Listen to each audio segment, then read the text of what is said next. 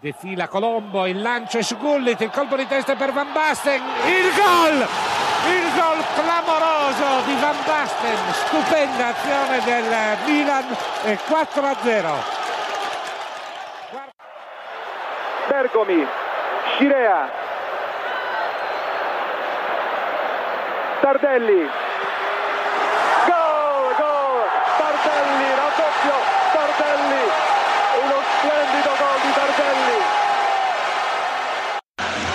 Baggio. E poi c'è Schillaci, gol di ancora di Totò Schillaci. E vedete l'entusiasmo degli azzurri, tiro di grande potenza. Welkom bij de podcast van Staantribune. Elke week brengen we jou op deze plek leuke afleveringen over alles wat met voetbal te maken heeft, behalve het spelletje zelf. Interessante achtergrondverhalen waarin voetbal meer is dan alleen de 90 minuten binnen de witte lijnen. Veel plezier bij deze nieuwe aflevering. Zijn we bij, eh, bij deel of blok 2, deel 2, hoe je het ook wil indelen, eh, beland. Eh, met eh, vier nieuwe sprekers op de stoelen. Ehm, ja, ik eh, begin maar weer even bij het begin. Ehm, David Ent. David, eh, goedemiddag. Eh, naast jou zit eh, Flip, Flip de Vos, als ik het goed zeg. nee, van de Scheppel. Hoe kom ik bij de Vos dan? Maakt niet uit. Ino? Flip, sorry. Eh, eh, uit. Damien, Damian, eh, welkom. Hallo, dank u. En eh, Gino, eh, eh, Goeiedag. eh, moet ik het proberen? Juji? Zeg ik goed, hè? Ja, Heel goed, heel goed. Nou, gelukkig voor mij wel een beetje een bekende naam uit eh, Deventer en omstreken. Dus dat is eh, goed te doen. Eh, heren, eh, welkom. Eh, leuk dat jullie er zijn. Ehm, ik begin even bij jou, Gino. Eh, eh, zou jij jezelf eens een- aan, de, aan de mensen en aan de luisteraars voor willen, willen stellen? Ja, ik ben eh, Gino. Ehm, ik kom uit Deventer. Ehm, ik heb een eh, Nederlandse moeder en een eh, Italiaanse vader. Mijn vader komt uit Venetië. Ik heb daar heel veel familie wonen en eigenlijk sinds begin jaren negentig eh, eh, kom ik jaarlijks in Venetië. Ook begin jaren negentig eh, besmet geraakt met de Club Venetië. Er werden vaak Tifo-magazines opgestuurd naar Nederland, die ik dan kon bekijken. Ja, als we dan in de herfst of in de voorjaarsvakantie naar eh, Venetië gingen, naar familie, ja, lagen er altijd eh, videobanden klaar met eh, samenvattingen van wedstrijden. Ja, mijn neven die gingen zowel uit als thuis, ook alles in die tijd.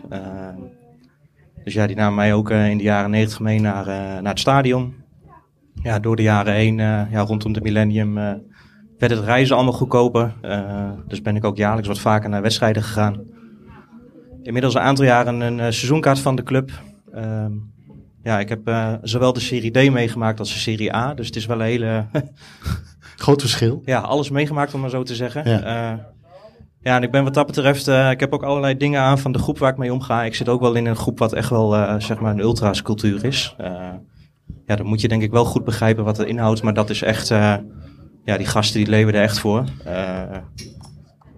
Eh, ja, dus dat is eigenlijk een beetje... Ja, daar kunnen we het zo nog wel eventjes over hebben, over de ultracultuur. Dat ik denk wel een interessante om eens, eh, om eens eh, te bekijken. Ehm, ik, ik ga voor Damian.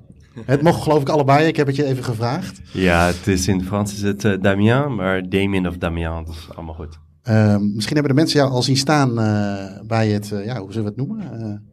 Eh, de- het pleintje, het shirtjes, de marktje. eh, geef het beestje een naampje. Eh, voe- natuurlijk voetballiefhebber. Eh, maar ook voetbalshirtliefhebber. Maar heb jij ook iets met... nou nee, laat ik, ik begin even anders. Wil jij je even voorstellen? Sorry. Ja, dus ik ben Damien of Damien, je mag zeggen hoe je het, hoe je het wil. Ik hou ontzettend van, van voetbal, misschien zelfs meer van voetbalshirtjes. Ik ben ook verzamelaar. Ik heb een webshop van oude voetbalshirts, die run ik al sinds 2000, eh, eind 2017. En nu heb ik al zes maanden een winkeltje in het centrum van, eh, van Brussel. Ja, wij zijn er eh, met Jim en Joris een paar... Ja, volgens mij in de zomer, denk ik. Ja, het was in ieder geval warm ja. geweest. Ja. Zeker, een, zeker een aanrader. Ehm, en heb je ook iets specifieks met Italiaans voetbal? Ja, en zeker met het voetbal van de jaren tachtig, als dat voor mijn tijd. Ik vind eh, dat tijdperk ontzettend interessant, vooral als je kijkt dan, behalve natuurlijk aan, als je kijkt naar de teams, eh, de, de ploegen, de spelers, ook de voetbalshirts. En ik werk al zeker drie, drieënhalf jaar, bijna vier jaar met het Italiaanse merk NR. Eh, misschien ken je dat van de, van de Maradona-shirtjes van Napoli. Ehm, ja, dat doe ik eh, al bijna, ja, bijna vier jaar met hen, direct met, eh, met eh, meneer Nicola Raculia, dus initiale NR. Dat doe ik met heel veel plezier en jullie hebben misschien al wat shirtjes hier gezien. Dat is ook eigenlijk om hun merken te promoten en, en wellicht ook aan jullie te laten ontdekken. Ja, want dat is ook nog mogelijk. Hè? Je hebt ook wat shirtjes hangen die te koop zijn, geloof Ja, ik. Hè? En ja. je hebt nog, wat je zei, een webshop en je zou eventueel bij je winkel langs kunnen komen. Ja. Oké, we komen zo even bij jou terug. Eh, Flip, Ja, ik ben eh Flip, 33 jaar. Kom uit Nijmegen. Ehm, groot Fiorentina-fan. Is eigenlijk ontstaan, ehm, moet ik even terug bij het begin, korte inleiding. We gingen vroeger altijd al, toen ik klein was, altijd naar Italië op vakantie. En ehm, ja, die liefde is heel gegroeid. Het werd eigenlijk een tweede thuis. En eh, mijn broer die is op een gegeven moment in Verona gaan studeren, een half jaar. Ja, die sprak vloeiend Italiaans. We gingen reizen samen, we kwamen op heel veel plekken. En ik had zoiets, dat wil ik ook. En heel veel steden geweest, maar ik kwam in Florence voor het eerst en ik werd eh smoorverliefd op die stad. En eh, toen zei ik van, ik wil hier ooit een tijdje wonen, gaan studeren, de taal leren. Ja. Dat heb ik gedaan, een half jaar. En eh, na een paar dagen, toen ik daar was, was eigenlijk meteen al de eerste, ja, wou ik meteen een wedstrijd pakken. En dat was Fiorentina-Napoli, dat was 2015, 16. Ja, ik ging er naartoe en dat, dat, dat was ongelooflijk, dat, dat clublied. En ik had een ticket op de Curva Vieso, de fanatieke aanhang bij, bij Fiorentina. Ja, wat je daar hoorde en, en, en alles, de hele ervaring, dat was echt kippenvel. Nou, en gaandeweg eigenlijk in die periode steeds meer wedstrijden gepakt. Op een gegeven moment ook uitwedstrijden. En ja, het is de liefde heel erg gegroeid. En het is eigenlijk net als bij, bij Napels, wat je een beetje hebt, is kijk, je hebt natuurlijk heel veel steden met twee clubs. Mhm. Ehm, in Firenze, in, in Florence is het gewoon echt Fiorentina. En die stad ademt Fiorentina eigenlijk. En dat voel je. En die liefde voor die, die stad, die is ook gekomen voor die club uiteindelijk. En eh, ja, inmiddels eh, heel veel wedstrijden bezocht. En eh, wat ook heel mooi is, heel bijzonder is geweest, mooi ik het eigenlijk niet noemen, in, in 2018, ehm, toen is de aanvoerder van Fiorentina, Davide Astori, die is toen overleden. Toen was ik daar in die periode en toen heeft de staantribune mij gevraagd om ook een stukje te schrijven daar, eh, daarover. Dat was wel ja, heel bijzonder om te doen. En toen ben ik ook bij de, bij de begrafenis eigenlijk geweest. Eh, nou, dat was besloten in, de Santa, in Santa Croce, de kerk. Ja. Maar op dat plein waren ja, duizenden Fiorentina-fans. En dat was echt heel bijzonder. En dan voelde je ook hoe echt die club in die stad leeft. Ja, En- probeer, probeer het eens te omschrijven. Wat, wat, wat. ja, dat was, dat was echt heel emotioneel. Hij werd toegezongen, de, de club werd toegezongen. Er waren hele mooie eh, speeches van, van spelers over hem. Dat was echt een hele bijzondere... Dat hoor je altijd achteraf, maar Astori was echt een eh, hele bijzondere kerel. Heel vriendelijk. Eh, nieuwe spelers werden altijd welkom geheten. En in die tijd was het best wel veel komen en gaan van spelers. Maar hij was altijd wel een beetje de stabiele factor. En eh, ja, ik heb hem ook heel vaak zien spelen. Dus dat was ook heel ja, best wel heel. eh, voor mij was het ook best wel een soort van klap. Ik ken hem niet persoonlijk natuurlijk, maar dat toch een speler waar je ook wel een beetje fan van bent, dat zoiets gebeurt. Ja.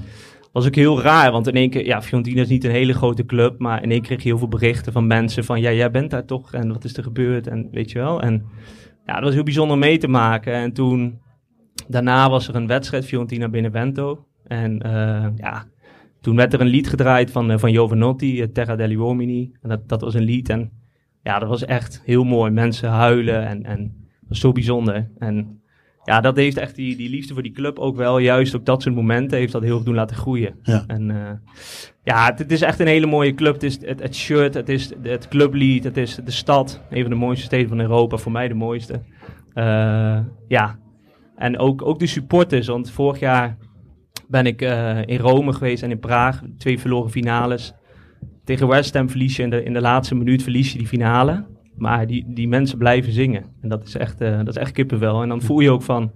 Het gaat ook helemaal niet om, om de prijs of het succes. Het is echt de liefde voor, voor alles wat met die club te maken heeft. Ja. En dat is, eh, ja, is heel mooi. Oké, Ja. ja, we komen zo ook nog even bij jou terug. Eh, ik denk eh, de laatste die we nog even moeten voorstellen, David, die kan volgens mij ook eh, prima eh, de liefde voor een club eh, verwoorden. Eh, David, goedemiddag.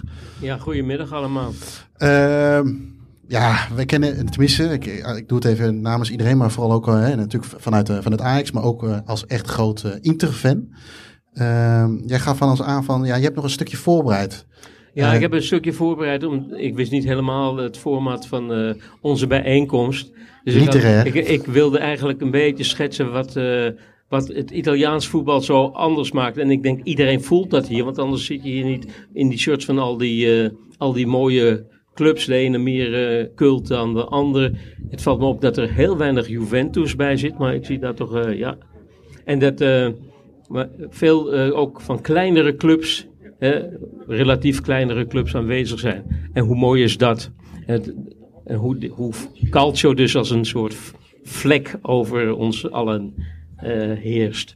Ja. Ik heb, een, ik heb een stukje geschreven als, met, eh, ja, ik ben in, interista, zoals het heet. En ik ben veruit eh, eh, de, de meest senior, denk ik, van het gezelschap hier. En mijn roots van Inter liggen dan ook in het midden van de jaren zestig. Toen ik als klein jongetje, zeg maar, betoverd raakte door de, de winnaars. En de winnaars van dat moment, dat was Inter, dat twee keer Europa Cup won.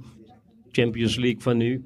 Eh, twee keer wereldkampioen werd. Waar heel weinig van te zien was. Je moest echt die moeite doen om die club te leren kennen. En ik werd eh, met alle buurtgenoten werd ik ook een beetje eh, die kant op gestuurd.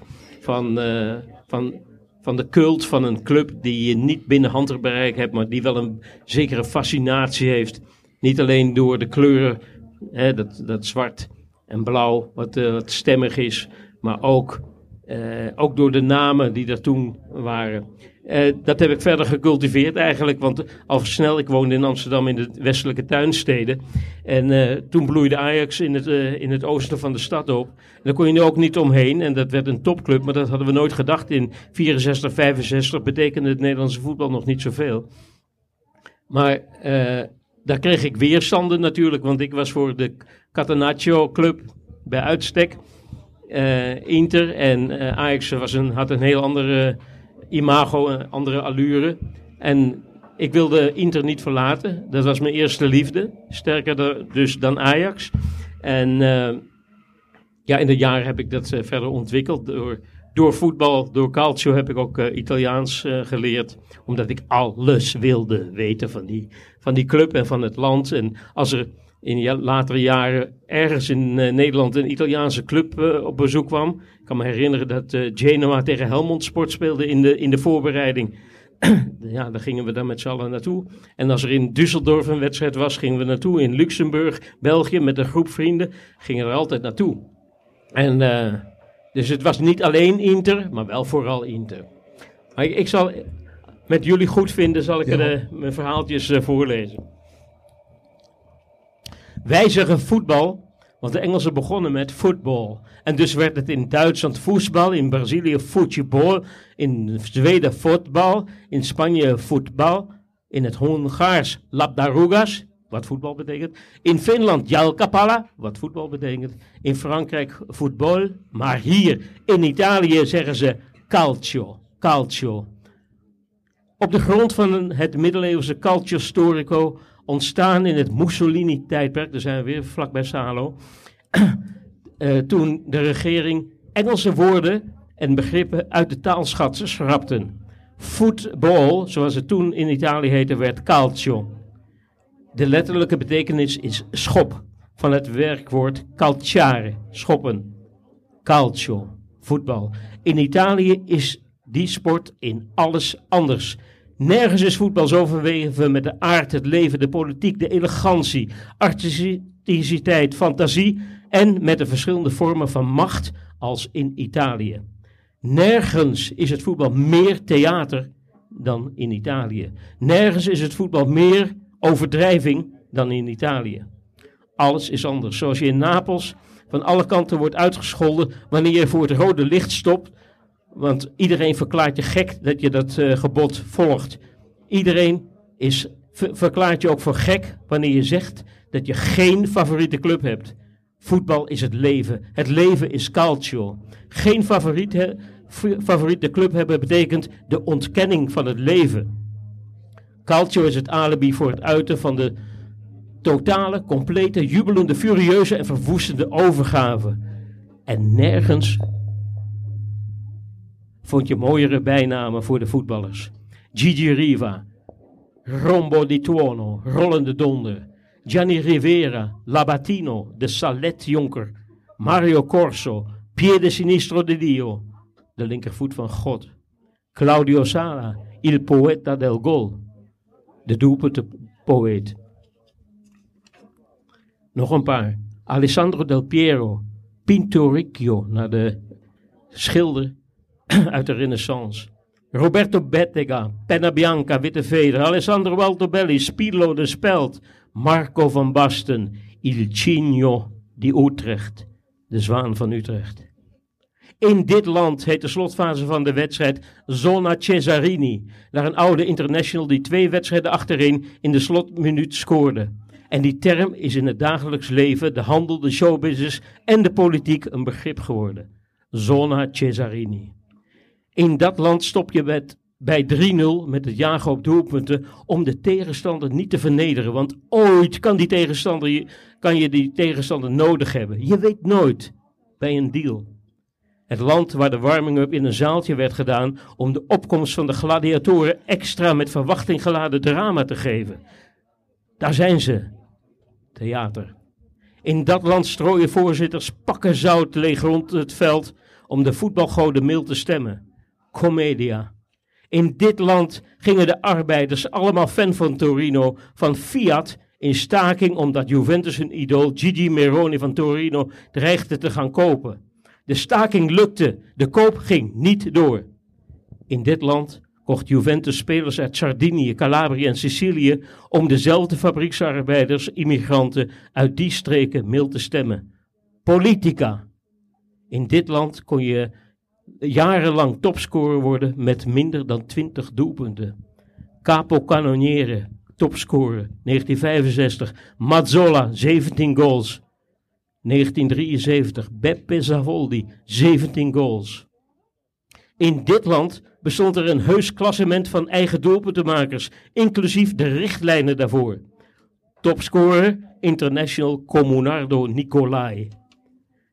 In dit land was de voetbalmarkt een heuse markt die plaatsvindt in een zessterren hotel in Milaan, waar iedere club een kantoortje heeft ingericht, Calcio Mercato.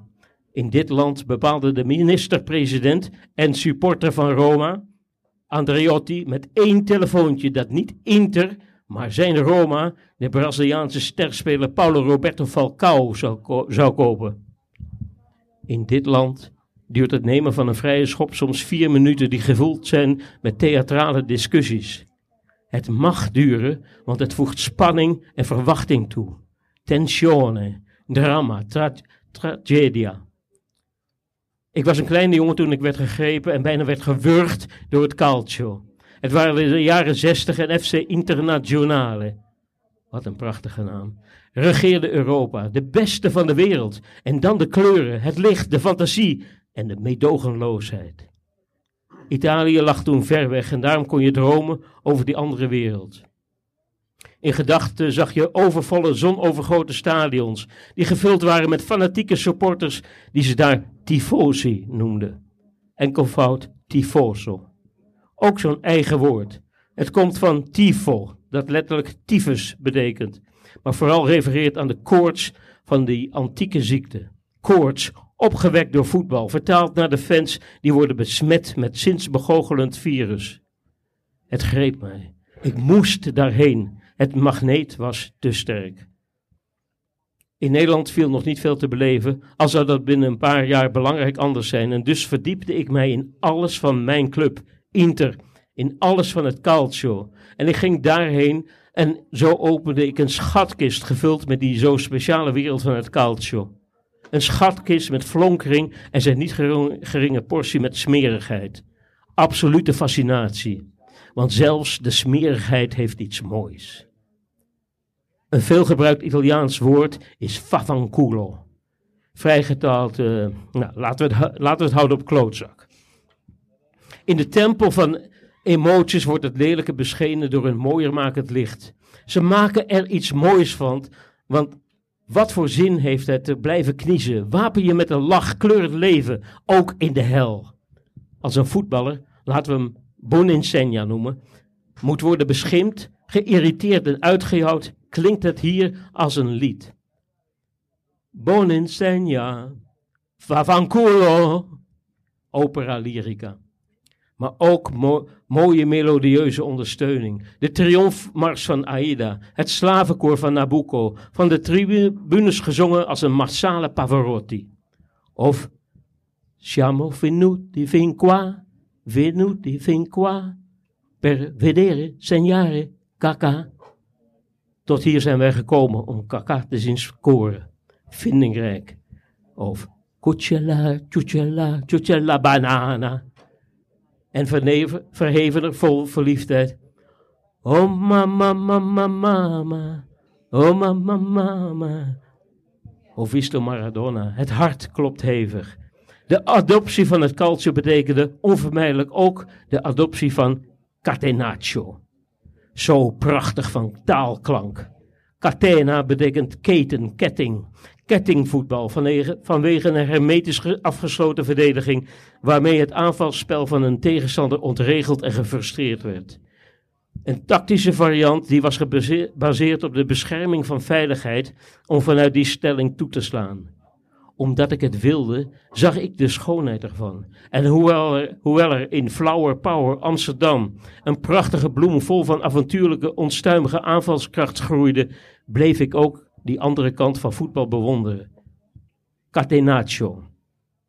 Buiten de Italiaanse grenzen onguur gevonden, maar wanneer het perfect uitgevoerd werd, een sensatie. En een toevoeging aan de internationale voetbaltaalschat. Zoals ook de internationaal geworden term libero dat is, of ultra, of grinta. Ander woord, biscotto. Ja, beschuitje, letterlijk. Aan twee zijden gebakken. Voordeel voor beide. Met andere woorden, is er in een wedstrijd met één resultaat aan beide kanten winst of voordeel te behalen, dan gooien we het toch op een akkoordje? Biscotto. De combine, zoals in het wielrennen gebeurt, overeenstemming over een resultaat. In 2006 was Italië nog wereldkampioen, maar de titel was een masker voor de staat van het Italiaanse voetbal. Dat beleefde bar slechte tijden. De kwaliteit van het clubniveau kelderde. De stadions waren verrot, overal manipulaties en omkopingen. Maar het ergste was, en is dat nog steeds, dat er minder Italianità was. De Italiaansheid van dingen verdween. De gekte en de schoonheid, de malle combinatie tussen realisme en elegantie raakte steeds meer ondermijnd. En ik moet zeggen, dat is nog steeds zo. Globalisering slaat toe. Folkloristische identiteit smelt en verdampt. Wat een heel eigen voetbalplaneet was, leidt een beetje aan erosie en verliest brokken identiteit. De libero is weg. Er bestaat geen catenaccio meer. De tifosi zijn hooligans geworden. Nog even en ze gaan in Italië calcio, voetbal, voetbal, voetbal of voetbal noemen. Weg is de specifieke shirtnummering, waarin de zes altijd de libero was en de vier de verdedigende middenvelder en de acht de regista. Nummer 12 stevast voor de reservekeeper. Toen Krol naar Napoli ging, vanaf eh, Vancouver Whitecaps, lag een prachtig shirt met nummer 6 voor hem klaar. Hij was de nieuwe libero van Napoli. Maar hij eiste zijn geluksnummer 5. Heiligschennis die zuchtend werd gedoogd door de Nederlandse kampioenen. De nummering, een element dat volledig is weggeglobaliseerd. En toch, nog steeds een eigen stijl, een aparte fascinatie. Calcio is nog steeds anders dan voetbal, voetbal, voetbal en voetbal. Onveranderd is de overgave en de passie, het theater, de overdrijving, de elegantie, het pragmatisme en de komedie. Onveranderd is Calcio spiegel van de aard en de ziel van Italië. En dus fascinerend anders. Heerlijk anders.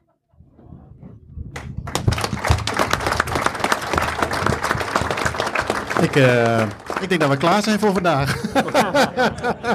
Dankjewel David voor deze mooie, mooie, hele mooie bijdrage. Wat denk ik eh, het prima verwoord. Eh, heren, ehm, ja, ik zag jullie af en toe ja knikken, eh, een stukje herkenning. Eh, ik hoorde helemaal in, ja, wegzwijmelen is een beetje misschien overdreven. Maar, eh, Ja, nee, dat is, het is echt, wat, heel veel dingen zijn herkenbaar. En het, het gaat in Italië allemaal gewoon net een stapje verder, ook qua emotie. En dat is inderdaad wat je echt grijpt. Wat Ja. echt, ja, je voelt het ook tijdens die wedstrijden. Als je die wedstrijden, dan voel je iets in het stadion hangen. En qua, ik zeg wel eens voor de gein van, ik kan ook gewoon 90 minuten naar het publiek kijken zonder naar de wedstrijd te kijken. En te- om te zien hoe mensen tekeer gaan en gebaartjes en toneel en drama en alles wordt uit de kast gehaald. En Er is natuurlijk wel eens wat kritiek op wat ik ook begrijp van het, toneel in het voetbal en, en al het gedoe eromheen.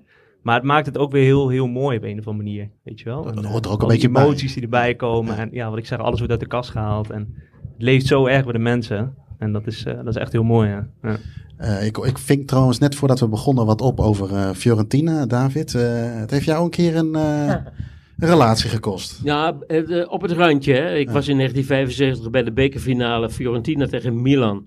En eh, ik was eigenlijk op vakantie in Italië. En toen zei ik tegen mijn vriendinnetje met wie ik eh, daar was. Ik zei, hey, er is een finale in, eh, in Rome, laten we gaan kijken. Dus wij gingen naar Rome toe met de trein. We zaten in Viareggio.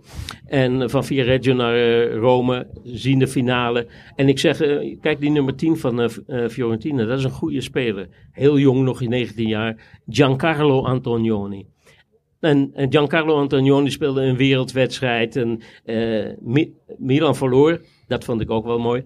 Eh, met 4-3, oh nee 3-2 van eh, Fiorentina. Het was een hele mooie finale in het Olympisch Stadion van Rome.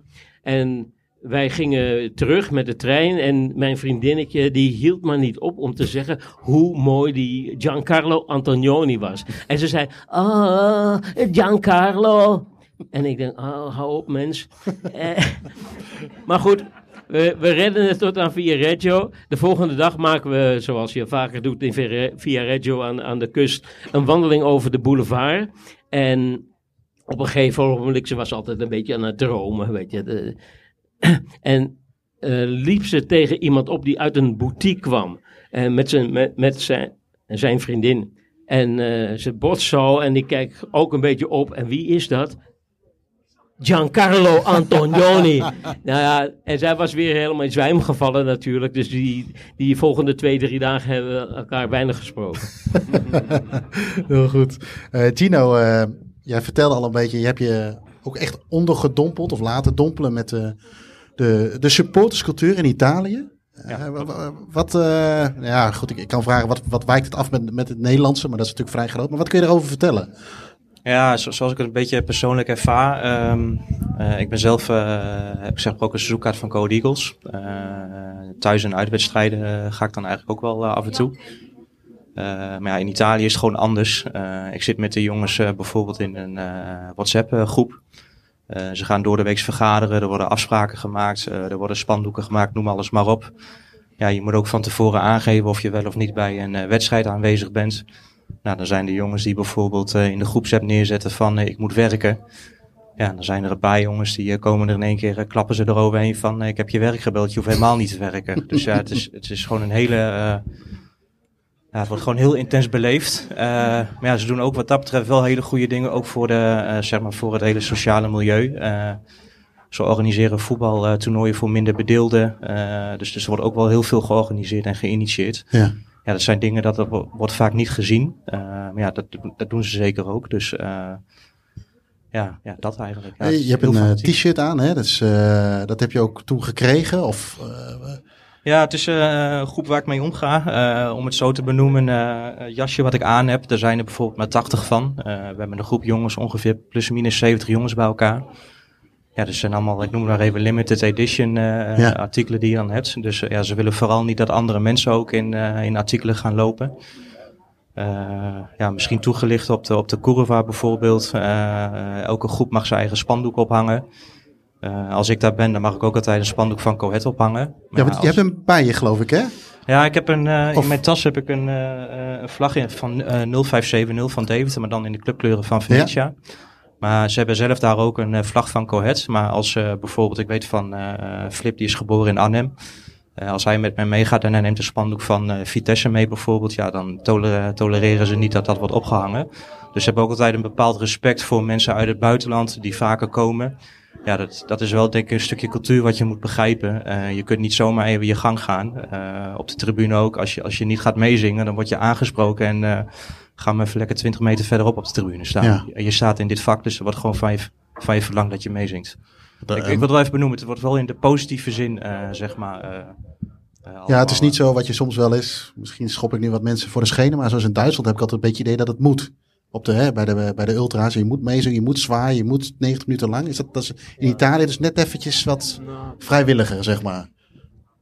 Ja, vind ik een beetje lastig oordelen, maar het is daar wel je, of je wordt in de groep opgenomen of niet. Eh, ja, misschien als voorbeeld. eh, ik ken eh, Flip bijvoorbeeld ook persoonlijk. Afgelopen jaar moest Venetië in Duitsland voetballen, een oefenwedstrijd tegen Bayer Leverkusen.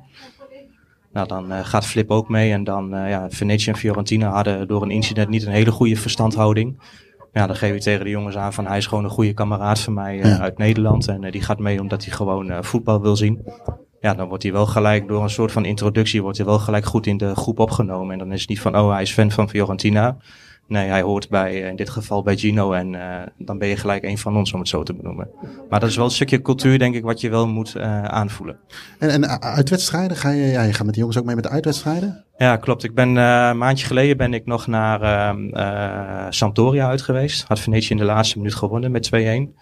Ja, dat was wel, eh, dan is de terugweg wel, eh, wel heel erg leuk. En dan eh, over een maandje dan begreep dat het een beetje gevoelig ligt. Ik heb niet alles begrepen, maar ik ga dan naar Bari uit.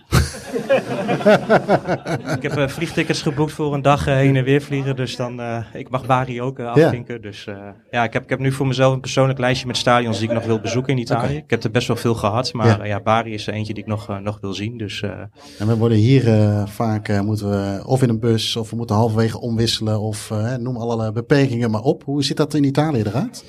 Ja, weet je, dat is misschien ook een beetje mijn passie voor Italië. Ik heb in de jaren negentig met Coët best wel wat, wat uitwedstrijden bezocht. Dat je gewoon op de dag zelf kon beslissen van eh, we gaan lekker met de trein eh, naar, eh, naar Amsterdam en dan gaan we lekker naar Ajax tegen Coët in de Meer.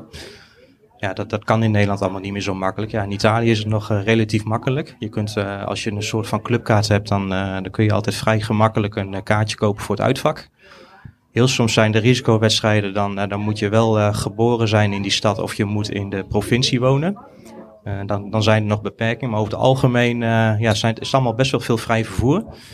Eh, als je georganiseerd met een bus gaat, dat is mijn persoonlijke beleving bij Venetië, dan worden er altijd een paar mensen die worden dan aangesproken. Oké, jullie regelen een bus, maar als er wat gebeurt, dan spreken we jullie aan. Maar dan kun je bijvoorbeeld wel een stadionverbod krijgen, maar dan kom je de rest van je leven ook niet meer de stadions in. Dus wat dat betreft, de hiërarchie die daar leeft, dan heeft iedereen wel respect voor elkaar en dan gebeuren er ook weinig incidenten wat dat betreft. En je, je had, eh, eh, je hebt ook nog wat andere dingen bij je, kaartjes en shirtjes. Eh, maar ook, je, had, je vertelde me iets over plaquettes. Wat, wat, is, wat is dat voor iets? Ja, het is, ehm, ik, ik ga zelf ook naar supportersbijeenkomsten in Italië. Ja. En dan, ehm, eh, clubs hebben altijd zeg maar een soort van een eh, vriendschap met een andere club. Eh, en daar houden ze altijd één keer per jaar houden ze een soort bijeenkomst dat, dat alle clubs kunnen komen. En er zijn er altijd vijf of zes clubs die komen dan langs met supporters. Dus dan zit je met iets van honderd mensen bij elkaar. Wat ze dan vaak doen, dan maken ze plaquettes. En dan krijg je als aandenken krijg je zeg maar een plaquette met je groep dat je aanwezig bent geweest op een, op een supportersfeest. Dus ik zat vandaar een beetje van, ik wist niet wat de insteek zou zijn van vandaag. Dus ik denk van ja, weet je, wat, wat zijn voor mij eh, tastbare herinneringen Ja, dat ik met goed, voetbal heb? Ja, dat, dat zijn dit soort dingen vooral die je zeg maar op dat soort eh, bijeenkomsten krijgt. Dus, dus ja, even als toelichting. En ehm, eh, ik ben er natuurlijk een beetje ge- wellicht gekleurd in, maar wat maakt Venetië nou zo mooi? Stel nou dat je mensen die denken, hey, ik wil er wel een keer naartoe, waarom zouden ze er naartoe moeten? Niet zozeer de stad, maar natuurlijk, maar ook de, de club, het stadion. Ja, vind ik, vind ik een lastige vraag. Eh, eh, ja, weet je, ik, ik vind Coët ook een hele mooie club. Eh, ik kom uit Deventer, ik ben in het centrum opgegroeid. Dus ja, het is een wat kleinere club. Ja, dat heeft Venetië over het algemeen ook wel. Ja, wat Venetië uniek maakt, denk ik, is gewoon als er een wedstrijddag is, zoals ik het persoonlijk beleef. Het is voor de Venetiani en de Mestrini is het gewoon echt een, een dagje uit. Eh, er gaan heel veel gezinnen gaan, eh, gaan er naar het voetbal. Ja. Eh, en wat ik persoonlijk heel leuk vind, je hebt daar de Via Garibaldi. eh, dat is in de wijk Castello. Ja, daar gaan mensen echt gewoon drie, vier uur van tevoren al zitten. Om echt het, eh, het voetbalsfeertje te ervaren. Ja, en daar zie je gewoon echt, echt, echt de laatste der Mohikanen uit Venetia. Die, eh, die komen daar dan ook. Ja, en dan vervolgens in een gezamenlijke corteo naar het stadion. Dat, dat is voor mij gewoon echt, echt, een, echt het gevoel van Venetiaans voetbal. Ik, ik hoor ook heel veel mensen van ja, het is heel eh, romantisch om met de boot naar het stadion te gaan. Maar ja, eh, persoonlijk ervaar ik dat niet zo, omdat ja, het zijn voornamelijk de, de toeristen. Toeristen die dat doen, ja. En de supporters, ja, als je het echte voetbal wil ervaren, moet je gewoon een paar uur van tevoren gewoon in de stad zijn. Ja. En gewoon lekker met, eh, met de locals lekker mee naar het stadion lopen. Dan, dan beleef je het echte voetbal in mijn. en dat maakt denk ik Venetië uniek met ja, de ligging van het stadion uiteraard. In hoeverre is dat overigens een gevaar, de ligging van het stadion? Met, met water of... Nou, het ligt in de eh, Santa Elena. Dat is, eh, moet ik goed zeggen, begin 1900 is dat nog, eh, is dat nog gebouwd als laatste stukje eiland wat bij Venetië hoort. En er staat in principe staat dat nooit onder water. Alleen als je een wedstrijd van Venetia wil bezoeken, ik raad het altijd af om van tevoren tickets in november en februari te boeken, want ze hebben altijd de, de Nebbia in, in Venetia. Beetje hetzelfde als de Mistral in, in Zuid-Frankrijk. Ja, dat kan gewoon tien dagen heel mistig zijn. Ja, als je dan eh, vliegtickets hebt geboekt, dan, eh, ja, als je pech hebt, dan, eh, dan gaat de wedstrijd niet door door de mist. Oké, dat is een goede, goede tip. Flip, over de supporterscultuur. Ja. Herken jij een beetje wat, wat Gino zegt? Ja, ja, ik herken wel die dingen. En het is wel, eh ehm, als jij het ook al benoemde van het, het, het, het globaliseert allemaal een beetje. Maar je ziet wel dat op die, op die, in die ultracultuur proberen ze wel heel erg die cultuur vast te houden. Dus het wordt niet gewaardeerd als je foto's maakt. En het is ook bij Fiorentina is het wel echt zo.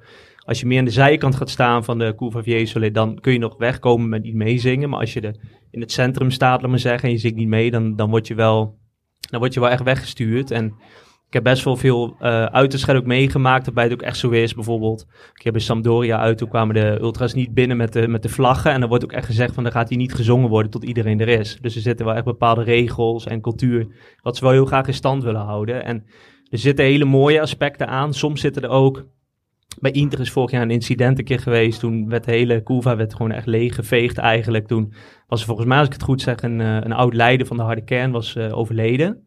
En toen is echt met best wel, ook verbaal geweld, uh, zijn best veel mensen echt eraf geveegd. En dan kun je wel zeggen, dat gaat wel redelijk ver. De, de, de ultras bepalen wel heel veel. Maar ik vind het over het algemeen wel heel mooi. En je merkt gewoon dat, uh, dat er gewoon van, van begin tot eind gezongen wordt. En dat het eigenlijk niet uitmaakt hoe de ploeg het doet. En dat, dat vind ik wel altijd heel mooi om mee te maken. Van uit te scheiden. Je gaat gewoon van begin tot einde blijven ze zingen. En dat is altijd wel, uh, wel prachtig om mee te maken. Ja, ja. ja dat, dat, is een stukje wat uh, bij de Italiaanse voetbalcultuur hoort. Maar wat ik daar zelf ook wel bij vind hoor. Ik zie daar heeft hij een fantastisch uh, intershirt. Ik gok een beetje de tijd van Bergkamp en Jonk. Of zeg ik nu iets?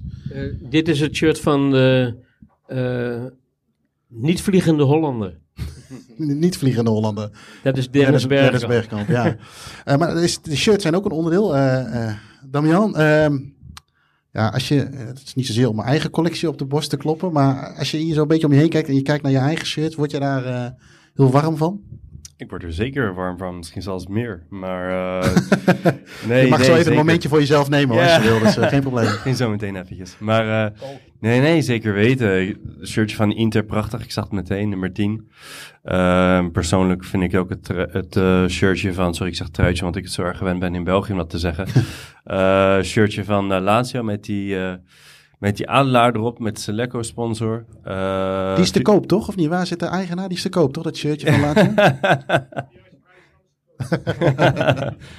ik vond uh, dat uh, Fiorentina ook, maar eigenlijk alle shirtjes. Hè, je weet, ja, ja. ik heb gezegd, ik, heb, uh, ik ben zelf verzamelaar. Ik heb een winkel geopend. Ja, shirtjes. Wat, wat, wat is voor jou het, het, meest ideale shirt?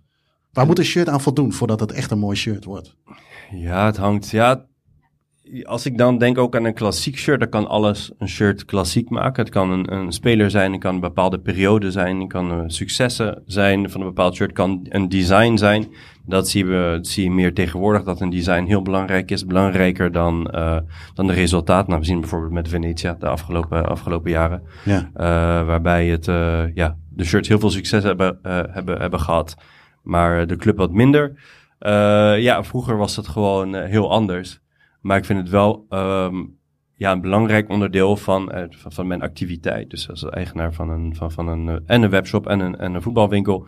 is ook een deel, ja, toch een stukje historie ook mee te geven aan de mensen... dat die historie dan niet verloren gaat. Ja, ja bedoel je met historie als in uh, dat een, een, shirt een verhaal moet hebben... of een verhaal achter moet zitten? Ja, ja, ja toch, dat, dat mensen toch een idee moeten hebben van ja, wat ze nou kopen. Als het een recent shirtje is, dan, uh, dan, dan weten ze dat wel. Maar een oud shirtje, ik zie bijvoorbeeld achter jou Crespo. Ja. Ja, toch even erbij zeggen van... hé, hey, dat was van de finale tegen, helaas, Marseille. Dat is mijn club.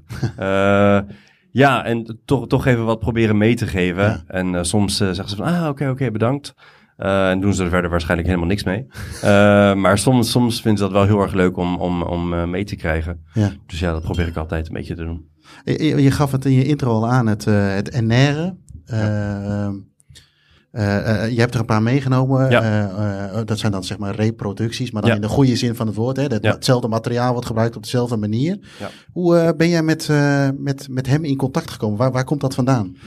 Ik ben eigenlijk ooit gecontacteerd door een tussenpersoon. Die had mij gevraagd of ik interesse had om die producten te verkopen. Nou, het begon met een Maradona-shirt van eh 87, 88. Dus bekend zijn, de Buitoni.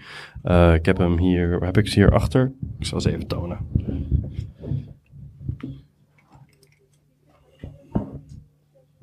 Ik heb er drie meegenomen. Nou, er zijn nog meer daar, maar...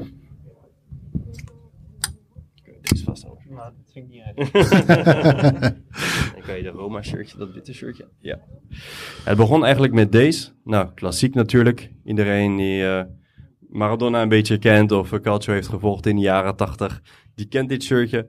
Eh, daar begon het eigenlijk mee. Ehm, en mijn vrouw die komt zelf uit Napoli. Dus ja, ik was al begonnen met shirtjes te verzamelen van, eh, van Napoli. Zeker de jaren 80. Ja. Wat een best wel dure hobby is, zoals je weet. Ja. Ehm, dus ja, zo is het eigenlijk begonnen. Ik zei ja, zeker weten. Het was eh, toen de tijd wat moeilijker om reproducties op de markt te brengen. Om mensen te overtuigen. Want het, het zijn toch shirtjes die op de website... ja, nu ietsjes minder, maar daarvoor voor 200 euro werden verkocht. Dus dat is niet eh, makkelijk. Zeker niet online. Want ja, je kan, niet, je kan de shirtjes niet voelen. Nee. eh, om dat op de markt te brengen. Maar eh, daarna is het steeds meer, eh, ja, steeds populairder geworden. En natuurlijk met, ehm, ja, met de dood van Maradona zijn er nog meer verkocht geweest. Maar daarvoor ook al. Maar we, ja, we merkten wel dat de vraag naar Maradona shirts veel, veel groter was daarna. En ja, na, na Napoli hebben we ook andere shirtjes gemaakt. Zoals ja, Fiorentina hier en Roma hier. En we hebben ook Sampdoria, Milan en, eh, en dat ook gemaakt. Ja, en eh, want eh acht, dat is denk ik Socrates. Ja, de- nu, ja, ja, nummer 8 van Socrates. Die heeft daar één seizoen gespeeld. Niet een heel goed seizoen daar gedraaid. Maar toch wel een iconisch shirt. Want we zochten wel... ja, we wilden wel graag shirtjes maken die... Ja, die mensen ook wel interessant konden vinden. Ja. En al zouden Italianen Antonioni... Een shirt van Antonioni interessanter vinden. We hebben heel veel e-mails gekregen van... Hey, doe je ook nummer 10? Maar dat is met NR iets moeilijker om eh, daar ook een badge van te maken. Ja. Eh, ja, hebben we gekozen om nummer 8 eh, te plaatsen. Want ja, voor degenen die het niet weten, NR heeft eh, enorm veel shirtjes gemaakt in de jaren 80. Dus we hebben hier Fiorentina, we hebben Napoli, Roma, dat is dan begin jaren 90, maar eind jaren 80 ook. Ze hebben voor ontzettend veel clubs in Italië shirts gemaakt. Inter niet, Juventus ook niet. Maar ze hebben Palermo gedaan, eh, Napoli, maar ook daarvoor, periode van Ruud Krol ook. En dat was gewoon een heel ander, ja, heel ander tijdperk van voetbal. Ehm, en het feit dat ik in nauw contact ben met, eh, met hen, dus ook met eh, Nicola Raculia, levert toch ook wel leuke anekdotes op en interessante verhalen over ja, waarom. Want degene die, die die calcio volgen en eh, vooral jaren 80, begin jaren 90 en die shirtjes een beetje kennen, die vragen mij altijd van, hey, wat is nou in hemelsnaam met NR gebeurd? Want eh, na 1991 waren ze nergens meer te bekennen. In ieder geval het Italiaanse NR, want daarna eh, had ook Uruguay had een shirt van NR, maar dat waren niet meer de Italianen. Dus ja, dat levert interessante verhalen op. En eh, ja, voor degenen die zich nu ook afvragen van... hey, want dit zijn shirtjes gemaakt van acryl. Vroeger waren ze ook zo gemaakt. eh, dus die zijn steeds gemaakt in Italië. Maar het zijn shirtjes... Als je ze zo ziet, denk je dat zou helemaal niet comfortabel zijn eh, voor de spelers. Daar zweet ze zich mee te. En dat klopt inderdaad. Ehm, maar dat was toen de tijd heel normaal in Italië om die shirts te dragen. In eh, Engeland totaal niet, in. Frankrijk ook niet. Dus niemand was enkel in Italië en misschien ook in Brazilië, maar dat waren dan wat lichtere shirts. Eh, lichtere katoenen shirts, die werden toen gebruikt. En, ehm, en er was toen, ja, ik had toen gevraagd ook aan meneer Raculia van, ja, wat is er toen ook gebeurd? Want ik wilde het ook wel graag weten. En het feit is dat Italiaans voetbal, dat vind ik ook een stukje romantiek. Vroeger betaalden clubs een merk als NR om die shirtjes te hebben. En toen werd het veel commerciëler. Toen begrepen clubs, eh, Juventus begreep dat heel snel, Inter begreep dat ook heel erg snel. Eh, begonnen clubs te begrijpen dat het eigenlijk andersom zou moeten zijn. Ja, En dat was eigenlijk het begin van het eind van, eh, van, van NR. Want ze waren nog steeds heel klein. Die hadden wel wat fabrieken, maar waren lang niet zo groot als bijvoorbeeld een Le Coq Sportief toen de tijd voor, voor, voor Inter. Of Kappa voor, voor Juventus. Eh, en toen begonnen clubs ook andere materialen shirts te vragen. Die vroeg helemaal niet, die, die hielden niet meer van dit. De trend was om polyester shirtjes te, te creëren. daar waren ze toen ook mee begonnen. Dus we hebben bijvoorbeeld dat shirtje, dat is een reproductie. Maar als je eens wil voelen en als het mag, Ja. dan heb je daar een Atalanta shirtje. Ja. Dan moet je maar eens voelen. De spelers die waren er totaal niet blij mee. Dus eh, schijnbaar kwamen Diego Maradona en, eh, en eh, Giannini van, ehm, van de Roma. Die kwamen naar meneer Cuglia. Die zei, sorry, maar dit kan echt niet. We zweten ons te pletter. En daar kunnen we zeker niet in spelen. En dat was eigenlijk al te laat. Dus Roma ging naar, naar, naar Adidas. Ehm, Napoli kreeg een leuk contract aangeboden van, van, van Umbro. En dat was eigenlijk een beetje het einde, ja. Ik, eh, mag ik, ik vond het eh, ook fascinerend, die shirts. En ik, ja, ik heb shirts uit eind jaren 60, begin jaren 70. Het was zo'n heel dik, wollig materiaal. Eh, en ook de- deze shirts die, Ja. die Damiens toont, hè, die zijn van een ander materiaal dan tegenwoordig. Maar daarom droegen die spelers onder hun shirt bijna zonder uitzondering een, wat je in oud-Nederlands noemt, een interlock. Een, een, een hemdje eronder. Om, dat nam dat het zweet op en dat voorkwam ook dat je alleen maar een kriebelig eh, gevoel overhield aan het dragen van een shirt. Dus eh, ja, dat, dat, dat hoorde gewoon bij de outfit, dat die spelers dus een shirtje, eigenlijk een, eh, ja, een onderhemd onder hun shirt droegen. Als, als verzamelaar, Damian, waar, waar, waar kijk jij naar uit? Of heb jij, eh, je hebt zelf een verzameling natuurlijk. Ja. Eh, als we het over aantal hebben, hoeveel shirts? eh, In mijn eigen verzameling, heel veel Marseille natuurlijk. Heel veel. Ik denk in mijn eigen verzameling... Ik heb wel zo'n dure smaak, dus het zijn niet er gek veel. Misschien 150, 200 stuks, zoiets. en dan, dan kijk je naar Marseille, maar heb je dan ook nog bijvoorbeeld voor jeugdherinneringen waar je denkt van nou, dat shirt zou ik ooit nog wel willen hebben? Ja, er zijn veel shirts die ik ook, ook zelf heb gehad. En dan, ja, ik zou, bijna willen zeggen, per ongeluk heb verkocht. Maar je hebt van die momenten dat je denkt, oké, eh, dan is het geld misschien net wat belangrijker. Maar Ja. ik zie dat, dat Lazio shirt, ik heb hem twee keer gehad, twee keer weggedaan. Eén keer aan een goede vriend die hem echt heel graag wilde hebben. En ik zoek hem, eh, Nog steeds. maar ja, ik zoek hem Ja. nog steeds heel moeilijk te krijgen. Ehm, ja, en ja, ik, veel, met veel geluk heb ik een aantal shirtjes die ik heel graag wilde hebben.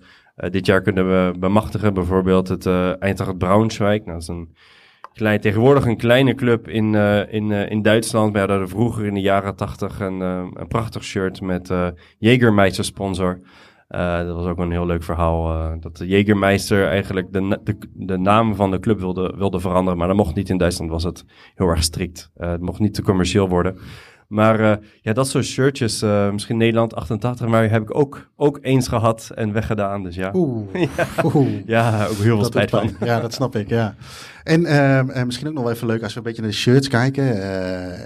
Ik, ik heb jou ook wel eens om advies gevraagd van, goh, is dit een echt shirt? Eh, hoe, hoe, hoe, want tegenwoordig wordt alles nagemaakt en ook heel goed nagemaakt. Hè, Ja. Waar je vroeger op Spanje een shirtje kocht en zag je, nou, dat, dat is niet echt. Maar Hm. hoe zit dat nu? Want nu is het best wel lastig.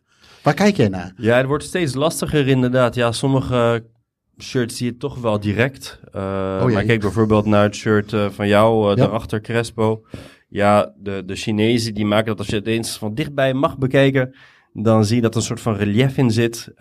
Maar de, de, de, de, de Chinezen die, die kunnen dat niet namaken. Schijnbaar is dat best wel duur. Dat heb ik van, de, van, de, van NR gehoord. Ja. Sommige ja, manieren van, van, van shirtjes produceren best wel, best, wel, best wel duur zijn. Dat is een van de manieren om, om te zien van bijvoorbeeld dat shirt. Maar als je kijkt naar, uh, naar andere... Ja, je moet altijd naar de labels kijken eigenlijk. En ja, en van de modernere shirt dat is het helemaal dramatisch. Ja. Maar gelukkig uh, worden de, de juiste productcodes nog niet in de, in de fake shirts uh, geplaatst. Dus er is nog een kans dat je het kunt, uh, kunt zien. Maar het is, ja, ik, vind, ik vind het zelf heel moeilijk om, om, om dat te zien. Ja, ja, tegenwoordig ook. Je ziet ook steeds meer mensen die uh, ja, een shirtje... We hebben het bijvoorbeeld over Nederland 88. Heel moeilijk te vinden, een echt shirt. De templates, dus de shirt zonder de logo's... kan nog wel gevonden worden. Maar het zijn ook diegenen die dan met een, uh, met een beetje vlok... en een beetje computerkennis de logo's erop kunnen drukken. En dan lijkt het net een echt shirt. Uh, Flip, paas, Fiorentina. Ja, ik, ik, zeg wel eens, dat zie je niet zoveel, maar dat is onzin. Want we kunnen zo weer een rijtje opnoemen. Maar het is wel een hele bijzondere kleur. Is, ben jij helemaal paas-minded? Uh, nou, ik moet heel eerlijk zeggen dat het niet um, daarvoor mijn, een van mijn favoriete kleuren was. Maar dat is wel heel erg ontstaan. En inmiddels heb ik ook in mijn, uh, in mijn huis, laat maar zeggen, heel veel paars. Mijn bank is paars. Oh, echt, ja? ja, ja. Dus er komt heel veel terug nou. En het is wel... Ja, bij Fiorentina heb ik altijd wel heel het gevoel dat het op heel veel fronten een hele mooie club is. En Ja. dat is ook het tenue, wat inderdaad wel vrij uniek is. En eh, er zijn wel een aantal clubs die een paar spelen, maar, eh, maar niet zoveel inderdaad. En eh, ja, er, er wordt, ik vind, er wordt best wel veel... ehm, je hebt, af en toe heb je ook een paarse nu gehaald met een zwart broekje, et cetera. Maar ik vind het toch wat mooiste als gewoon alles in het paars is in ieder geval. Ja. En, eh, ja, een paar jaar geleden heb je ook, dat is best wel uniek als je het dan over shirtjes verzamelen hebt. Fiorentina van een paar jaar geleden hebben ze eigenlijk ehm, hebben ze vijf shirts gehad. Nou, tegenwoordig is het niet zo uniek meer, want Napoli heeft er nog veel meer. Maar toen hadden ze in één seizoen hadden ze eigenlijk vijf shirts. Dan hadden ze het paarse shirt. En dan hadden ze een rode, een witte, een blauwe en een groene. En dat zijn eigenlijk de vier districten in, de, in, eh, in Florence. Ehm, en ehm, daar hebben ze het eigenlijk ter ere van de stad hebben ze dat eigenlijk eh, gemaakt. Dat is een, een heel oud, eeuwenoude sport, Calcio Storico. Dat wordt nog steeds elk jaar in het... eh, in, in Florence wordt dat georganiseerd. En een soort van eerbetoon hebben ze die shirts gemaakt, eigenlijk. Ja. Rood is eh, Santa Maria Novella. En dan heb je San Giovanni is groen, als ik het goed zeg. Dan heb je wit Santa Croce. En dan, en dan heb je nog... nee, we geven volgens mij... Wit is Santo Spirito en blauw is Santa Croce. En dat, dat wordt dan altijd op het Santa Croce wordt dat dan georganiseerd. Gaat heel hard aan toe, maar het is wel een, een hele mooie traditie. En ja, wat ik zeg, de ere van hebben ze toen die shirts Ja. uitgebracht. En dat je vijf shirts in één seizoen, wat vrij uniek is. Heb je ze allemaal ook? Nee, om eerlijk te zijn niet. Ik koop zelf altijd wel gewoon echt het paarse shirt op een of andere manier. Ja. Koop ik niet zo snel een uitshirt. Nee, nee. Ik heb wel een paar verzameld, maar niet zoveel als, eh, als andere mensen, die heb ik al vernomen. Ja. Ja, sommigen slaan er een beetje in door, waaronder ik zelf, denk ik. Ehm, David, eh, Inter, het stadion. Hoe blij ben je dat eh, San Siro blijft? Nou, dat het blijft is nog niet eens helemaal zeker. Oh. Want ze zijn heel erg bezig. Sorry, met, het, eh, met de plannen voor een nieuw stadion. Zowel eh, Milan als eh, Inter. Weet je, dat, dan bloedt het hart natuurlijk. Eh, want San Siro, dat is een, dat is een tempel, dat is eh, een kathedraal van voetbal. Dat is veel meer dan een voetbalstadion. Daar zijn zoveel veldslagen geleverd en zoveel prachtige wedstrijden gespeeld. Niet alleen van, eh, van Milan en van Inter, maar ook van de nationale ploeg. Daar zit zoveel historie in. En het doet mij pijn, maar ja, ik ben een oude lul natuurlijk. Dat, dat, dat moet gaan verdwijnen. Weet je, de sensatie die ik voor het eerst eh, meemaakte toen ik eh, vanuit eh, Piazzale Lotto, dat is een, een plein op een kilometer of drie van het stadion, uitstapte en de, de Via Federico Caprilli langs liep, een grote laan die aan de, aan de rechterkant de, de renbaan van, paardenrenbaan van Milaan heeft. En op een gegeven ogenblik buig je om naar links en zie je opeens die enorme kolos van beton oprijzen echt. Het was nog in de tijd dat er geen eh, derde ring op zat, maar het was overweldigend. Weet je, en je voelde bij het betreden van, het beton, van de betonnen trappen daar, dacht je, dit is meer dan historische grond. En hoe mooi is dat, dat, dat het stadion waar je voetbalt, dat het die historie herbergt. Dat je weet, op dat grasveld is van alles gebeurd. En je zoveel wedstrijden gespeeld. En dat maakte natuurlijk, en ik heb het meegemaakt aan de lijve toen Ajax van der Meer naar de arena ging. Ja. Toen gingen we van een thuis naar een huis of een gebouw meer. Nou, inmiddels heeft het ook zijn eigen historie, hè, die arena. En, en eh, krijgt het ook een beetje ziel. Maar het verlaten van die ziel is denk ik voor een supporter het ergste wat je kan overkomen. Ja, want eh, hoe vaak eh, ben jij eh, naar het stadion geweest? Hoe vaak heb je, überhaupt, hoe zit dat met, ga je vaak nu nog naar Inter toe? Of, Nou, ik heb voldo- voldoende werkzaamheden. Ja. Dus ik ga niet zo heel vaak. Misschien drie, vier keer per jaar. Eh, maar ik denk dat ik een wedstrijd of eh 70, 80 in eh, San Siro heb gezien. Maar ja, ik ben wel van heel vroeger, weet je. Dus het, het aantal jaren wat ik achter me leg, eh, heb liggen, dat bepaalt natuurlijk ook dat. Maar elke keer weer, elke keer weer, als ik daar binnen stap, dan heb ik een, een, een zindering door mijn lichaam. Dan heb ik kippenvel van, oké, dit hier is het stadion. De laatste keer was ik, ik denk in, eh, in, ma- in maart, april, eh, een wedstrijd van niets, Inter Udinese. En toch dacht ik, ja, kijk hier, hier kom ik thuis. Dit is mijn stadion. En hoe jammer is het als het misschien over een jaar of twee, drie gewoon verdwenen is. Hè, dat het met de grond gelijk gemaakt wordt. Dat het niet meer bestaat. Ja, ja hopen dat het eh, in ieder geval nog wat blijft van eh, bestaan. Ik, ik wilde eigenlijk ook wel wat, eh, als ik wel over mag zeggen. Eh, ik was eind augustus naar Venetia tegen Cosenza. Ja, dan lopen we ook met alle jongens naar het stadion toe. En dan passeren we de hoofdingang.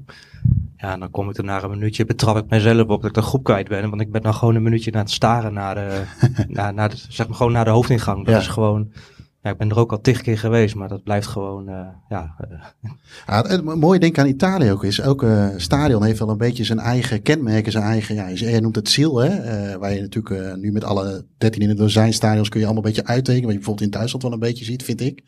Maar zoals bij Fiorentina ook, ik ben er één keer geweest met een avondwedstrijd overigens tegen Inter.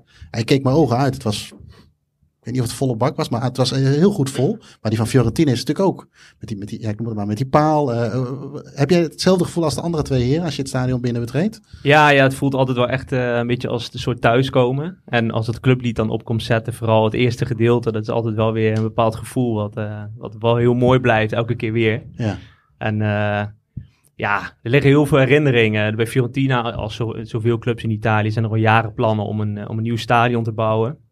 Ja, ik heb best vaak aan de lange zijde gezeten, vooral aan het begin. Dan heb je wel echt een mooi zicht. Op een gegeven moment word je wel steeds wat fanatieker en dan wil je ook op die, op die, op die curva staan. En dan ga je ook echt wel voor de sfeer, want het zicht is echt niet, eh, niet al te best. Er zit zo'n wand tussen. En, maar ja, dat maakt het ook weer heel mooi. En, en ook in die uitwedstrijden, af en toe ben ik echt in stadions geweest dat je denkt, eh, bijvoorbeeld Empoli uit.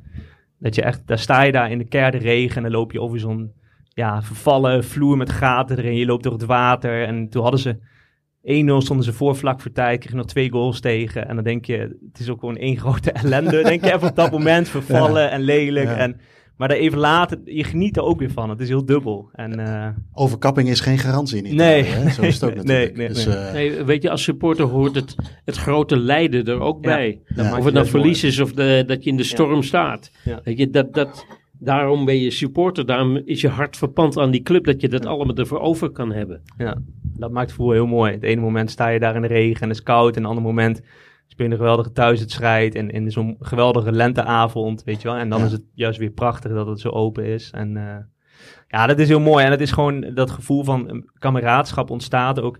Naarmate je dan meer wedstrijden gaat. En Fiorentina vorig jaar ook Europees gespeeld. Dan, dan kom je in Edinburgh en zie je iemand... En dan even later, dan, dan pak je in Italië een wedstrijdje en dan herken je elkaar en dan, praat je even en dan zeg je zo van, ja, we zien elkaar wel weer ergens, weet je wel. En, en dat, dat is gewoon heel mooi dat dat steeds meer dan ontstaat in de, in de loop der jaren. Ja. Bij, eh, staantribune krijgen vaak een, eh, een vraag, vragen binnen over, eh, over kaartjes. Hoe, is, hoe kun je makkelijk aan kaartjes komen? Eh, David, eh, m- eh, bij Inter of bij, bij Milan, is dat een kwestie van eh, online? wat een, een nadeel, of nee, ik weet niet of het een nadeel is, maar wat je in Italië natuurlijk altijd hebt, als je kaartje koopt, die komt op naam te staan. En volgens mij, ik heb nog nooit gehad dat ik niet gecontroleerd word. Dat is standaard, hè? Dat je een idee moet laten zien. Ja, zelfs bij de stadioningang moet je echt zorgen dat je je paspoort of je ID bij je hebt. Ja. Want anders, eh, ik, ik heb een keer gehad dat iemand hem niet mee had. En dan spreek ik ook nog het lokale dialect van Venetië. Dus dan hebben ze ook nog door van, oké, dat is er eentje die, die weet wel wat hij, eh, wat hij zegt. Ja. Maar eh, die kwam niet binnen. Die, eh, dan kun je lullen als brugman, maar dat, eh, dat gaat niet lukken. De, de David, Inter? Ja, ja, vroeger was het natuurlijk niet zo'n zo'n probleem. Want dan kon je ook voor het stadion bij de Bagarini bijvoorbeeld, bij de zwarthandelaar, kon je altijd een, eh, een kaartje krijgen. Als je wat meer betaalde dan normaal. Ja. Ehm, dus dat was gewoonte. En tegenwoordig eh, is het heel anders. Moet je inderdaad eh, je, je persoonsgegevens doorspelen. eh, paspoortnummer en al die zaken meer. Zelfs waar je geboren bent. En, maar ik, ja, die laatste jaren, ik heb gewoon veel geluk gehad. Omdat ik door het werk wat ik vroeger deed bij Ajax, kwam ik met clubs in contact. En dan bouw je een netwerk op. En ik was een goede vriend geworden van het hoofd van de opleidingen van Inter. En die hoefde maar te bellen en de kaarten lagen klaar. Ik ken ook daar een kleine anekdote. Emiel heeft eh, hiervoor even geschetst dat hij Inter ook een, iets van warmte van familie eh, vond hebben. Ehm, op een gegeven ogenblik, een jaar of vijftien geleden, werd ik gebeld door de teammanager van Sparta. En Sparta ha- speelde in de beker en eh eerste twee rondes eh, doorgekomen. Maar de premies die daaraan verbonden waren, die werden zo belast dat die jongens eigenlijk onevenredig weinig geld overhielden aan hun mooie overwinningen op Spakenburg of, eh, of MVV. En hij zei, eh, ik wil ze in Natura eh, betalen en wij hebben het pla- plan om naar een wedstrijd van Inter te gaan. Eh, en kan jij me helpen? En dat was de wedstrijd Inter tegen Fiorentina. Eh, ik zeg, nou, ik ga eens proberen. Dus ik bel mijn Roberto, mijn vriend van de, van de, van de opleiding van Inter. Ik zeg, Roberto, luister, eh, ik heb eh, 28 kaarten nodig voor die wedstrijd. 28 kaarten, ja, ik ga het regelen. Ehm, dus hij regelt dat en op een gegeven moment komt hij terug. Het is allemaal in orde. Alle namen van die spelers en begeleiders, allemaal doorgegeven. En toen kwam het op, op betalen aan. En, eh, want ik zei, ik, die, dat vroeg eh, die teammanager van Sparta natuurlijk ook. Die zegt, ja, hoeveel moeten we dokken? Het waren kaarten van 120 euro. Dus dat was een, toch een aardig bedrag. Maar goed, de club betaalde, want het was eh, in plaats van de premie. En ik zeg tegen Roberto, waar, hoe gaan we dat doen met afrekenen? En toen zei hij, afrekenen? Hoezo? Ik zeg, nou ja, voor die kaarten. Ja, maar hoezo? Ik zeg, maar, hij zegt, jij bestelt ze toch? Dus je hoeft niet te betalen. Ik zeg, maar ik doe het voor een ander. Ik doe voor, dat zijn toch vrienden van je? Wordt niet betaald. 28 kaarten, keer 120. Ja. Gewoon gratis, weet je. En, en zulke dingen, dat is voor mij dan weer, dan word ik een beetje trots. Hè. Dan denk ik, dat is mijn club. Dat zal bij Ajax nooit kunnen, weet je, zoiets. of, eh, misschien bij, bij geen enkele club, maar bij Inter kon dat dus op die manier. En eh, dat geluk had ik dus dat ik op die manier aan die kaarten kon komen in de afgelopen, zeg maar, 20 jaar. Ja. Dus het is niet helemaal eerlijk, want ik zou eigenlijk nu niet zo heel goed weten op welke knop ik moet drukken om, eh, hij, is, eh, ver- hij is verplaatst, de, de hoofdopleiding is naar Atalanta. Ehm, maar hoe ik dat zou moeten flikken. Dus eh, ik hoor graag hoe Ja. dat, eh, hoe Flip, dat hoe is, gaat. het bij- hoe is het bij Fiorentina eh, online? Of Nou, via? Fiorentina is het, is het vrij makkelijk om online kaarten te kopen, ook nog voor de wedstrijd. Het is nooit helemaal uitverkocht. Nu gaat het wel sinds de nieuwe eigenaar Rocco Camiso er zit, gaat het wel allemaal wat positiever en, en is het wel vaak behoorlijk vol. Ja, tegen Juventus thuis, dan is het wel, dan is het altijd, daar ga ik binnenkort naartoe, 5 november, dan moet je er wel op tijd bij zijn. Ja. Alleen, ehm, ja, bij Fiorentina heb je eigenlijk twee partijen. En die staan, die fan, de supportersclubs eigenlijk, verenigingen, zijn aangesloten bij die partijen. En eh, die vragen gewoon eigenlijk voor een x aantal mensen kaarten aan. En ik heb ook contact met eh, een van die partijen. Dus ik kan eigenlijk, eh, is er een bepaalde lijst waar je dan op wordt gezet. En zo heb je altijd wel tickets ook voor wedstrijden die wel moeilijk zijn. Zoals uitwedstrijden. Ehm, dan is dat bijvoorbeeld, of ja, vorig jaar de finale dan in Praag. Dat zijn wel wedstrijden en dan wordt het wat moeilijker.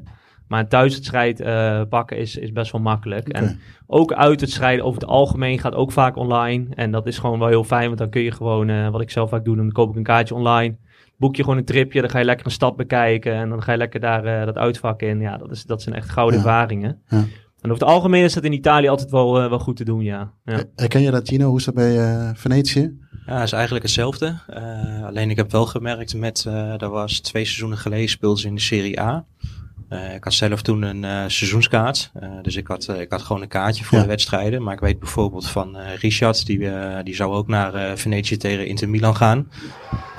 Ja, het stadion was volgens mij al iets van, er waren 7000 abonnementen. Nou, je had dat maar drie vierde van het publiek werd toegelaten. Dus ja, dan gaat de kaartverkoop online. Ja, dat was gewoon binnen, volgens mij een minuut of zo was het al uitverkocht. Ja, er waren er best wel veel mensen uit Nederland die zeg maar na de wedstrijd Venetië tegen Inter wouden of tegen Juve. Ja, dan had je gewoon de pech dat je niet naar de, naar de wedstrijd kon. Omdat Ja. dat gewoon eh, ja, direct is uitverkocht. Maar dan eh, weet je, dan heb ik wel over een stadion waar maar 10.000 mensen in kunnen. Eh, Scheelt natuurlijk ook. ja, kijk, als Ik, over, ik ga over een maandje naar Bari, dan zit ik wel in het uitvak. Maar ja, Ja. eh, Bari kan natuurlijk, eh, ik weet niet eens wat de capaciteit is. Ja, dat zal 50 of 60.000 mensen zijn. Ja, dat zal natuurlijk niet heel snel uitverkocht Nee. raken. Ehm, Oké. ehm, zijn er misschien nog vragen uit het publiek voor eh, een van de heren? Matthijs. Zeker. hoe kijk jij aan? Ik denk dat je vraag misschien wel een beetje komt aankomen tegen de redelijk agressieve marketingcampagne Oei, ja. Welke heb je daarbij? Ja, ik, eh, ik heb er ze- zelf echt helemaal niets mee. Eh, eh, waarom niet? Ehm, eh, ik heb nu bijvoorbeeld een eh, shirtje bij me, de, wou ik nog even laten zien ook. Die, eh, die heb ik een maand geleden, eh, dat is een match voor een, eh, van eh, Jay Itzes. Die heeft bij FC Eindhoven hier gespeeld. Toen is hij volgens mij naar, eh, direct naar Code Eagles Ja. gegaan. En direct van Code Eagles naar Venetië gegaan. Dus heb ik na de wedstrijd toe van hem gekregen. Maar dit shirt zegt eigenlijk wel al, ook wel is het het uitshirt, zegt eigenlijk ook al wel heel veel over de, eh, over de supporters het ervaren. Als je kijkt naar de eh, tribunes bijvoorbeeld, ja, de Kurwa zie je helemaal oranje-groen gekleurd, alle vlaggen, noem maar op. En het komt nauwelijks tot niet terug eh, in de shirtjes. Nou, ze hebben thuisshirtjes met eh, heel veel oranje-groen in het verleden gehad. Ja, nu is het thuisshirt eh, zwart. Er zit een gouden logo op. En de kleuren oranje-groen die zitten er gewoon in, in de mouw een beetje... Beetje verborgen. ja. Bijna, ja. Dus ik, ik zeg ook tegen mensen die voor een andere club zijn. Hè, de- als iemand van Ajax tegen mij zegt, wat vind je ervan? Ja, dan zeg ik van ja, hoe, hoe zou je het vinden als Ajax in een zwart nu zou gaan spelen met een rood-wit randje in de kraag? Ja. Dus ja, ik, merk ook de, de jongens waar ik mee omga, ja, die hebben er gewoon eh, weinig mee. Eh, dus ja, bij de, de echte supporters eh, wordt het ook niet geaccepteerd eigenlijk om het zo te benoemen. Maar de, ja, ze hebben er volgens mij wel heel veel geld aan verdiend. Want wereldwijd zijn er volgens mij wel heel veel shirtjes verkocht. Ook als het online kwam, was het volgens mij heel snel ook uitverkocht zelfs. En als ik de geruchten mag geloven met de jongens waarmee ik in de uh, Kurwa-chat zit, dan gaat nu degene die de shirtjes zou ontwerpen. Het is nu nog Kappa, maar ze gaan volgend jaar over op een ander merk. Dus dat werd al eh, met... eh, in de groepsapp eh, was iedereen daar blij mee, zeg maar. Ja. Ja, Het is inderdaad, volgens mij inderdaad Anne Merk en het bureau wat dit heeft gedesigned de afgelopen twee jaar, die stopt er helemaal mee. Tenminste met Venetia. Dus, eh dus een goede hoop. Voor de, Ik had ook begrepen, maar ik weet niet of dat zo is. Misschien weet jij dat. eh, dat er zijn meerdere clubs in Europa die echt van dat soort design shirts hebben. Maar over het algemeen is het ook altijd Kappa, wat ik heb begrepen. Maar, Ja, maar bij hen is het, ja, het begon, was het twee, drie jaar geleden met, eh, ja, ze worden niet gedesigned door Kappa. Ze zijn gemaakt door Kappa, maar ze worden gedesigned. Ze werden eerst door een Amerikaans bureau gemaakt en daarna werden ze gemaakt, nu worden ze gemaakt door, volgens mij hetzelfde bureau wat het nieuwe Interlogo heeft, ge- heeft, heeft gemaakt, Oké. een paar, eh, of gedesigned een paar eh, jaar geleden. Dus ja, ergens zit er wel logica achter. Maar dat is het laatste seizoen, heb ik begrepen. Dus, eh, Oké, ehm, ja, ik denk dat het even weer... heren, bedankt voor jullie, eh, voor jullie komst en jullie mooie verhalen. Ja, ik, ik oh, wil je nog een, ding een, een klein slotakkoord. Want eh, ik begon met, eh, met eh, zeg maar beperkte Juventus eh, aanwezigheid. Behalve meneer Daar. Eh, complimenten dat je dit allemaal overleeft natuurlijk. maar we hebben het over... Ja, weet je, en ik, eh, ik, mijn hart is groter dan alleen maar Inter. En eh, Juventus wordt in Italië wel eens Rubentus genoemd, rovers. Omdat ze niet altijd de, de geëikte patronen van eerlijkheid bewandelen. Maar het is ook een mooie club. En we hebben het gehad over supportersclubs en al die dingen. In 1973, dankzij mijn vriend Ed, kwam ik. eh, die had de finale Ajax-Juventus gezien, vrienden gemaakt. Via die vrienden in eh, Turijn, waar ik toen op vakantie ging. eh, kwam ik in- bij de Juventus Club Via Bogino. En dat, dat was een klassieke eh, supportersclub. Waar eh, alle leden eigenlijk gratis toegang kregen tot de curva. En eh, ik ging toen mee op de curva samen met een, eh, een andere vriend van mij. En het was mooi om de avond voor de wedstrijd in het clubhuis te zijn, ergens midden in Turijn, waar mensen met volle overgave, met hun hele hart bezig waren spandoeken te schilderen, eh, nieuwe leuzes te bedenken en te oefenen. En het, werd genoemd Il Club de, de la Goeba. En Goeba is eigenlijk Turijns dialect voor een, een, een ezel. Nee, voor, eigenlijk voor een zebra, maar de gebochelde Goeba. En zoals ik met heel veel clubs eh, in Italië, en dat heeft te maken met mijn eigen sentiment, eh, een mooi gevoel heb. En waar ze, elke club heeft zijn eigen mooie specifieke elementen. En zo had Juventus dat ook. Juventus was vaak een tegenstander, ook van mijn club in Europese wedstrijden. Maar daar zit ook een diepgelaagde cultuur en idee achter. En hoe mooi is dat? En zo hebben we dat allemaal eigenlijk met onze eigen clubs. Dat je daar iets specifieks uitpakt. En dat maakt deze dag voor mij ook erg, erg mooi. Lijkt me een eh, fantastische afsluiter. Nogmaals eh, bedankt. Mag ik een applaus voor de gasten? Eh, Ino, mag ik jou vragen om voor onze gasten het bedankje van namens onze partner FC eh, te overhandigen? We gaan weer even korte pauze houden. plaspauze, eetpauze. En we gaan over een klein kwartiertje verder voor het laatste blok van deze dag. Bedankt voor het luisteren naar deze aflevering. Vergeet niet op deze podcast te abonneren om op de hoogte te blijven voor nieuwe afleveringen. Vragen, tips of opmerkingen over de podcast kunnen gestuurd worden naar podcast.staantribune.nl. En voor vragen over boeken en magazines verwijzen we jullie graag door naar www.staantribune.nl.